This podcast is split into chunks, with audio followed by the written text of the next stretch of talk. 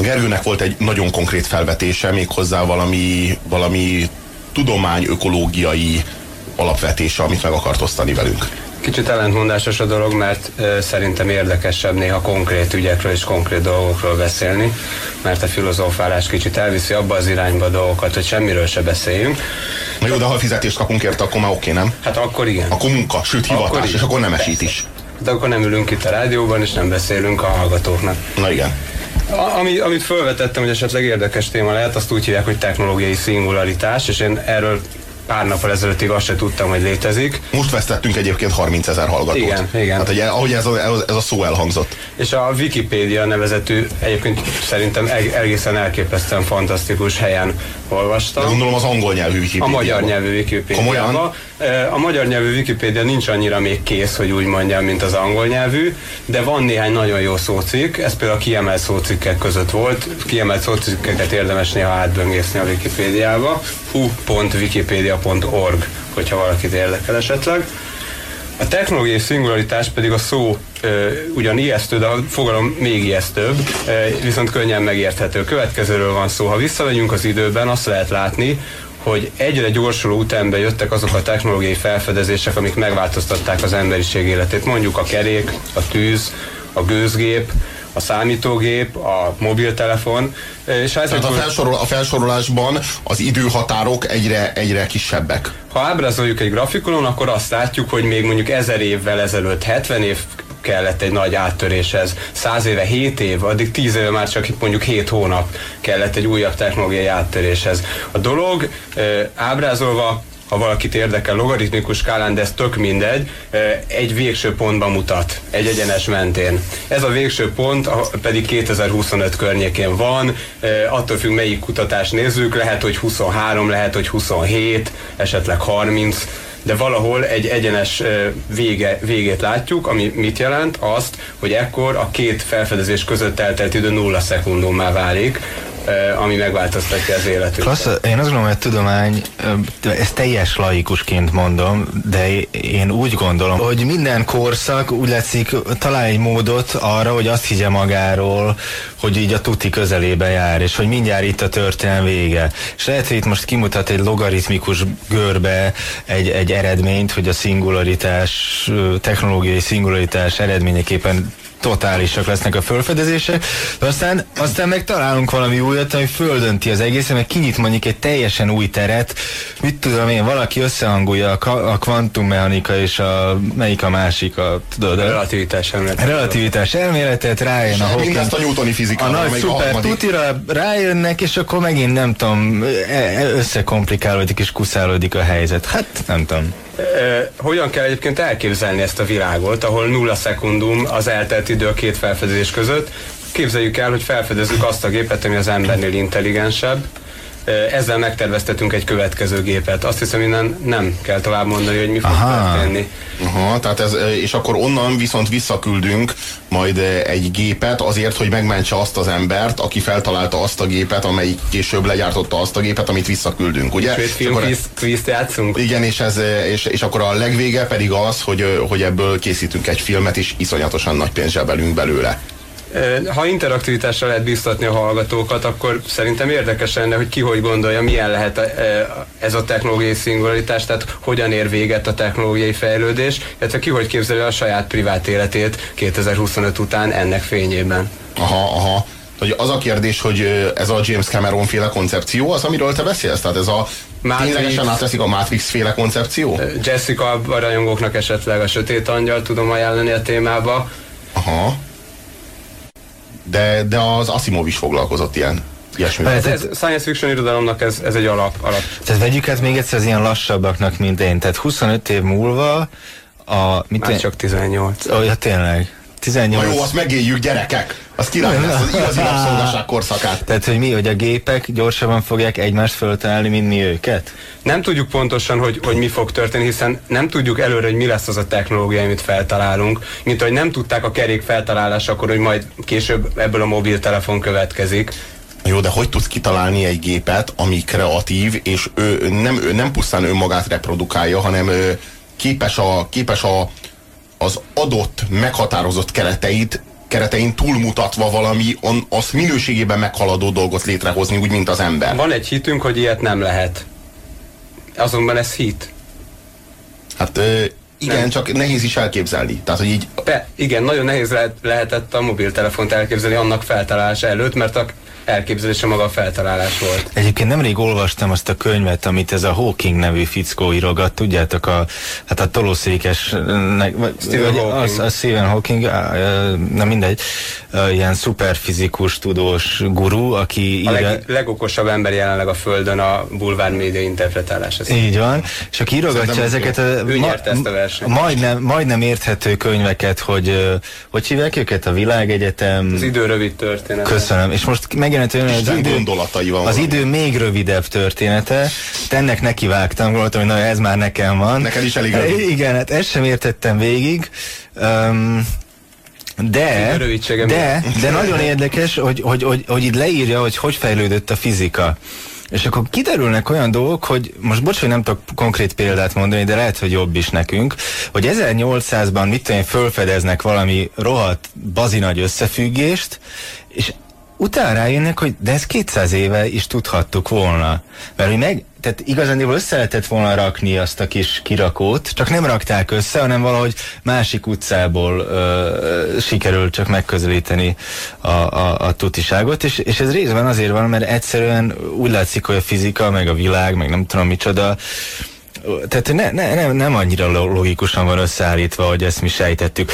Példának okáért, ugye, ami, ami talán még számomra is közérthető, ugye, hogy minden részes egyszerre hullám, és akkor itt is van, meg ott is van, hát ez most mégiscsak... és a világegyetem, ami végtelen és tágul.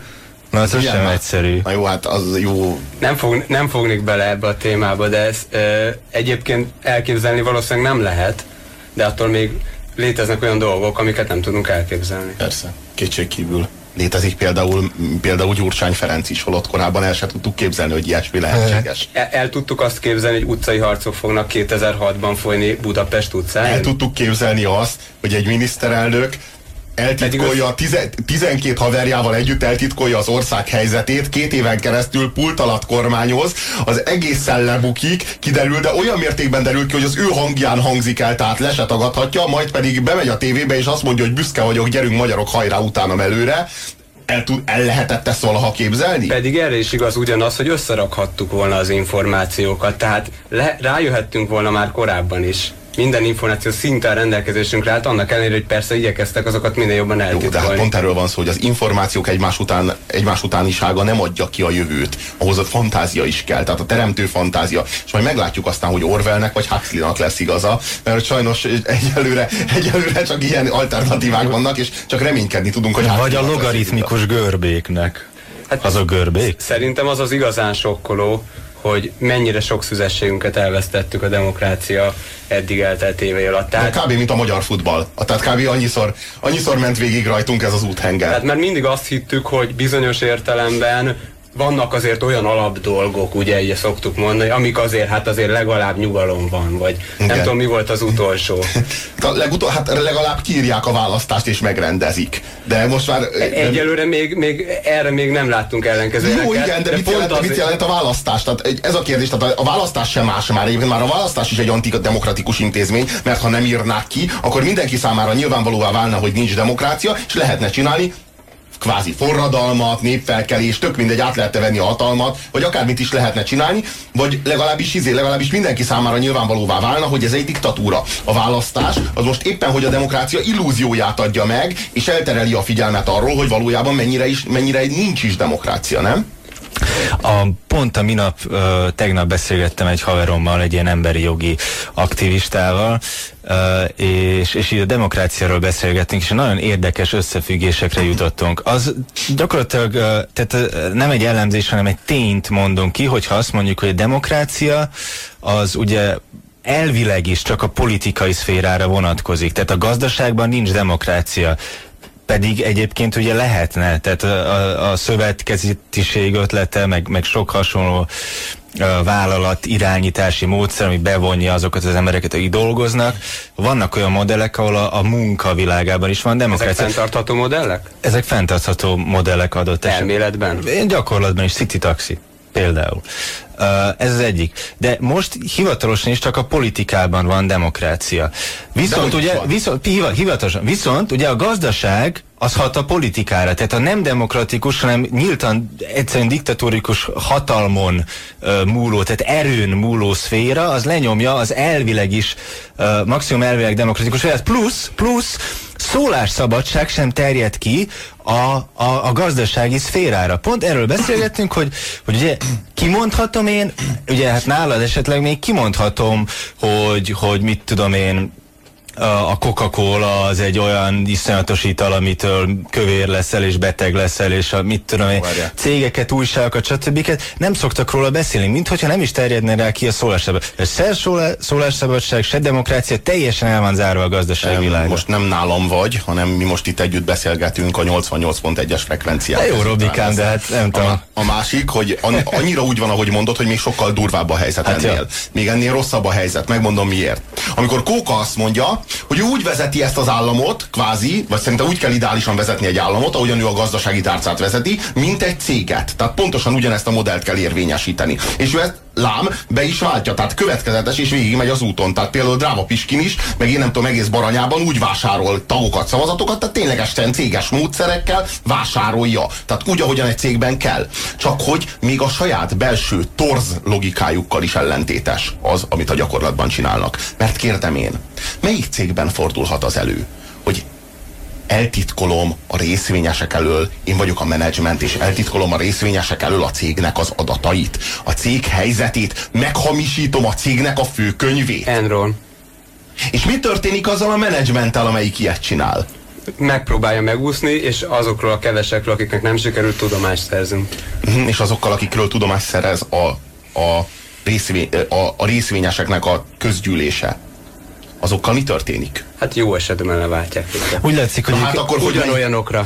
Na, hát, na jó, hát akkor, akkor, hát akkor hát miről van szó? Tehát arról van szó, hogy ilyet, ilyet a, pénzű, a, hogy mondjam, a pénzvilágban nem lehet megcsinálni, mint amit a Gyurcsány előadott. De egyébként pont ott is meg lehet sajnos csinálni. Tehát erre, erre, erre, erre nagyon sok ö, példa van, hogy a kapitalizmust maga a kapitalizmus falja föl bizonyos értelemben. Tehát a, a cégek vezetői nem, ér, nem pontosan abba érdekeltek, amit leír a, a kapitalizmus, mint szabad verseny, és még az a szabad verseny, amit vitathatunk, hogy jó-e vagy rossz, vagy közjóhoz vezet, vagy köz. Vagy egyáltalán lehetséges -e, elméletileg egy lehetséges konstrukciója, vagy fölfalja magát, ergo nem lehetséges. Az államnak feladata lenne a kapitalizmust is megvédeni maguktól a kapitalistáktól. Az államnak feladata lenne az, hogy, az, hogy, hogy mondjam, megvédje a, az itt élő embereket, egyáltalán az életet, a civilizációt, mindazokat, amiket rábíztunk. Ezzel szemben az állam jelenleg semmi más nem tekint feladatának, mint hogy fenntartsa és fokozza a tőkefelhalmozás ütemét. Gyakorlatilag ez, a, ez a, az állam ezt a, nem mintha a cégeknek a, a célja pontosan nem ugyanaz lenne, az államban jó szövetséges találnak erre, de hát hogy is ne lenne másképp, hiszen a cégek gyakorlatilag bevásárolták magukat az államba. Hát Kóka és Gyurcsány ennek a legideálisabb ideálisabb példái, kvázi helyet vásároltak maguknak. Tehát nem, nem az van, hogy, hogy a, van az állam, amelynek mi választó polgárok vagyunk a részvényesei, hanem vannak a pártok, amelyek uralkodnak, és a, a pártoknak meg nem mi vagyunk a részvényesei, hanem azok, akik támogatják őket, és akik üzleti kapcsolatban állnak, és ezek a cégek. A vezérlő ideológia a neoliberalizmus, amely valamiért, Isten tudja, honnan veszi ezt az ordinári baromságot, de azt állítja, hogy az ember alaptermészete a verseny. De ez nem igaz. Történetesen nem igaz. Vagy legalább annyira igaz, ha azt mondom, hogy az ember alaptermészete a kooperáció. Miért miért veszük alapvetésnek, hogy az ember természetes állapota inkább az, hogy verseng, inkább az, hogy háborúzik, mint az, hogy együttműködik, mint az, hogy az erőket összehangolva cselekszik. Én erre vagyok kíváncsi. Vagy miért gondoljuk egyáltalán azt, hogy az ember is embernek, mint olyannak van fix, előre meghatározott természete? Hogy az ember. Na hát erről van szó. Az emberben tulajdonképpen bárminek a lehetősége megvan, a Jézus Krisztustól az Adolf Hitlerig, és gyakorlatilag csak, csak és kizárólag a hatásokon múlik, hogy milyen, hogy, hogy ezek a hatások, ezek milyen viselkedésmódot váltanak ki belőle. Haló, haló? Hello, szia Robi! Hello, hello. Hagy vitatkozzak egy kicsit azzal, amit az előbb mondtál itt ugye az emberekről beszélt, illetve az emberiségről, hogy ugye abban benne van az Adolf Hitlertől kezdve egészen a, nem is tudom ki Jézus. Krisztusig. Jézus Krisztus, persze, bocsánat.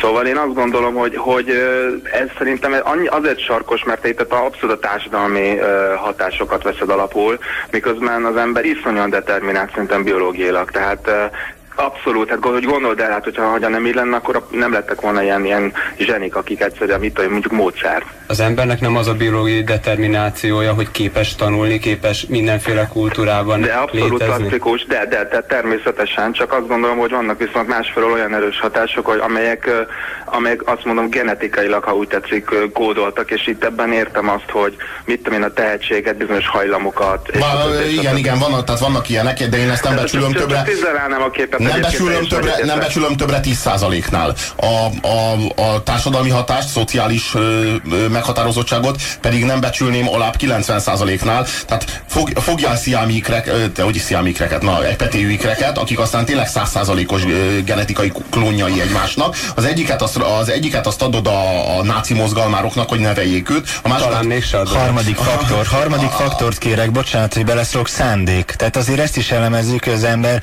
az úgy, hogy van determinált-e, félig szociológiailag, vagy társadalmilag, félig biológiailag, hogy ne talántán az ember egy olyan lény, aki akár adott esetben befolyásolhatja saját fejlődését, hiszen van önreflexiós képessége, ami elég Ez egyedülállónak így van. tűnik. Én, én annyit mondanék csak, hogy az embert szerintem, tehát az ember ideá, ideája, ha úgy tetszik, azzal abszolút egyetértek, való igaz, az a spektrumnak mindkét szélsőségét magában hordja, de viszont maga az individuális ember, az nem lehet egyszerre ilyen és, és olyan is szerintem. Köszönöm szépen. Ennyi, köszönöm, fiat. Hello, hello. Hello, hello. Halló, jó estét kívánok! Jó estét!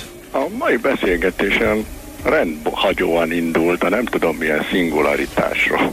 Technológiai. Technológiai? Aha. Igen, hát hogy külön-külön értem a szavakat, és nagyon érdekes volt, amit a vendégük mondott. Na most az, hogy egyre rövidebb pillanat jön rá az emberiség egyre bonyolultabb dolgokra, ez természetesen igaz, de én azért a nullával egy kicsit vigyáznék, szóval az talán túlzás. A másik pedig Ebben az, csak reménykedni tudunk. a, a másik pedig az, hogy nagyon jó a kerék, nagyon jó a tévé, nagyon jó a mobiltelefon, csak nekem van egy barátnőm, aki 8 órát dolgozott egy nem multicégnél annak idején, amikor nem volt számítógép. Most ugyanazt a munkát 12 óra alatt végzik el, hogy nincs itt valami ellentmondás. Hogy az egész mire jó, hogyha nem lesz tőle könnyebb az életünk. De, de hogy lenne könnyebb az életünk? Tehát az a kérdés, hogy jobb lett-e az életünk, Vagy jobb. annak, köz, annak köszönhetően, tehát Buda, Budapestről eljutni Pekingbe, az mit tudom, én, 300 évvel ezelőtt az igénybe vett három hónapot, mondjuk. Három évet. Vagy mondjuk. Ma igénybe vesz, mit tudom én, 12 órát. Most az a kérdés, hogy ettől boldogabbak az, azok az emberek, akik a Földön élnek? Nem, nem boldogabbak. Annak idején az, hogy egy történetet alaposan megismerjek, az igényelt, nem tudom én, igényelte azt, hogy tudjak olvasni. Ma már nem igényli azt, hogy tudjak olvasni, mert megnézem a tévében, vagy megnézem filmen. Ugyanezt ezért aztán leg, le- legtöbben meg se tanulnak Én olvasni. Tud mindenki, az érettségizettek Aha. között sem. Viszont a másik, amit mondtatok, az, hogy a gazdaságban viszont bármilyen demokrata vagyok, úgy érzem, hogy ha a gazdaságban demokrácia lesz, akkor az megöli a gazdaságot. Lesz ilyen? Tehát És akkor mi lesz? Atya úristen, megöli a gazdaságot, és akkor mi lesz? Míg a végén túléljük a 20. szá- 21. századot? Míg a végén nem pusztítjuk el a bolygót? Nem. Hát ez, ez egy rémálom, tönkreteszük a gazdaságot. Hogyha nekem kell kurbliznom majd valami kecserével, hogy árom legyen, Aha. hát én inkább megfizettem. Aha, de a, ön megfizeti, de a bolygó az lehet, hogy nem tudja pillanat, megfizetni. eh, Tehát, hogyha elfogynak a zsetonok, és ez, ez a zseton, ez oxigén. Tehát ezt értse jól. Oxigén, ez a, ez a, ez a, ez a föld, Ivóvíz. ez a ivóvíz, pontosan ö, föld, tehát konkrétan talaj, mérgezetlen talaj, ezek fogyóban vannak. A föld zsetonjai fogyóban vannak. Lehetséges, hogy ön úgy gondolja, hogy ön majd megfizeti, de nem lesznek zsetonok, amikkel megfizesse. Nem arról van szó, hogy lesz áram vagy nem lesz áram, és önnek kell kurblizni, hanem hogy lesz-e oxigén, ahonnan energiát merítsen ahhoz, hogy kurblizzon. Értse meg, hogy a helyzet ennél sokkal drámaibb. Ez, hogyha az ERT-k, meg, meg EON-ok, meg Gazpromok nem Így se, úgyse, így se úgyse lesz ez a dolog, nagyon úgy áll. És arról van szó, hogy az utolsó oxigén tartalékainkkal kiabáljuk kiabáljuk, a, kiabáljuk bele az éterbe, hogy hajrá demokrácia RT. Köszönöm szépen. Egyrészt a gazdasági demokrácia az nem arról szól, hogy vissza a fára és mindenki magának ö, termeljen mindent. Nincs annyi fa. Még csak, ö, még csak nem is azt jelenti, hogy valami teljesen a jelenlegitől idegen, teljesen más rendszer jöjjön létre. Ez önmagában nem jelenti azt, ugyanis a jelenlegi rendszerben is, mint erre tettem utalást, jelen vannak ennek a csírái. A, a magyar társasági jog ismeri a dolgozói részvény ö, fogalmát. A magyar, ö, a, a kisvállalkozások többsége... A gyülekezési szabadságot is ismeri. Oké. Okay, uh, Bocsánat, zicser pe, te, zicser, persze, most csak az elméletről beszélek, tehát hogy, hogy mint, mint konstrukció ez önmagában. Uh, léteznek olyan cégek, amelyek egyszerűen demokratikusan működnek. Ez alatt azt értem, hogy nem csak a tőke szól bele abba, hogy mi történik az adott vállalatban, hanem a munka is. Elnézést a, kitő, a kis marxista uh, szóhasználat, mert nem tudom, a tőke az mitől marxista. idézel, én nem értem, miről beszélsz. Uh, igen, igen, uh, de mindegy, a tőkét meg a, meg a munkát nem Marx találta Jó, ki. az meg, egész kampány arról szólt, hogy Orbán ezeket szajkózta. Jó, tehát egyszerűen van egy, van egy ilyen dolog, hogy ma, ma van egy ilyen elmélet, mi szerint a, a kockázat az annak az oldalán van, aki, aki, aki a tőkét adja a vállalkozásba. Ez egy elmélet, ez egy ideológia. Ezt meg lehet változtatni, hogy olyan törvényeket hoz az ember, ahol nagyobb beleszólást, esetleg egyenlő beleszólást ad a munkaoldalnak. Ez az egyik. Tehát erről, erről szól a gazdasági demokrácia. Az az esetleges, lehetséges előnye, hogy, hogy a döntéshozatalban másfajta érdekek is, is megjelennek.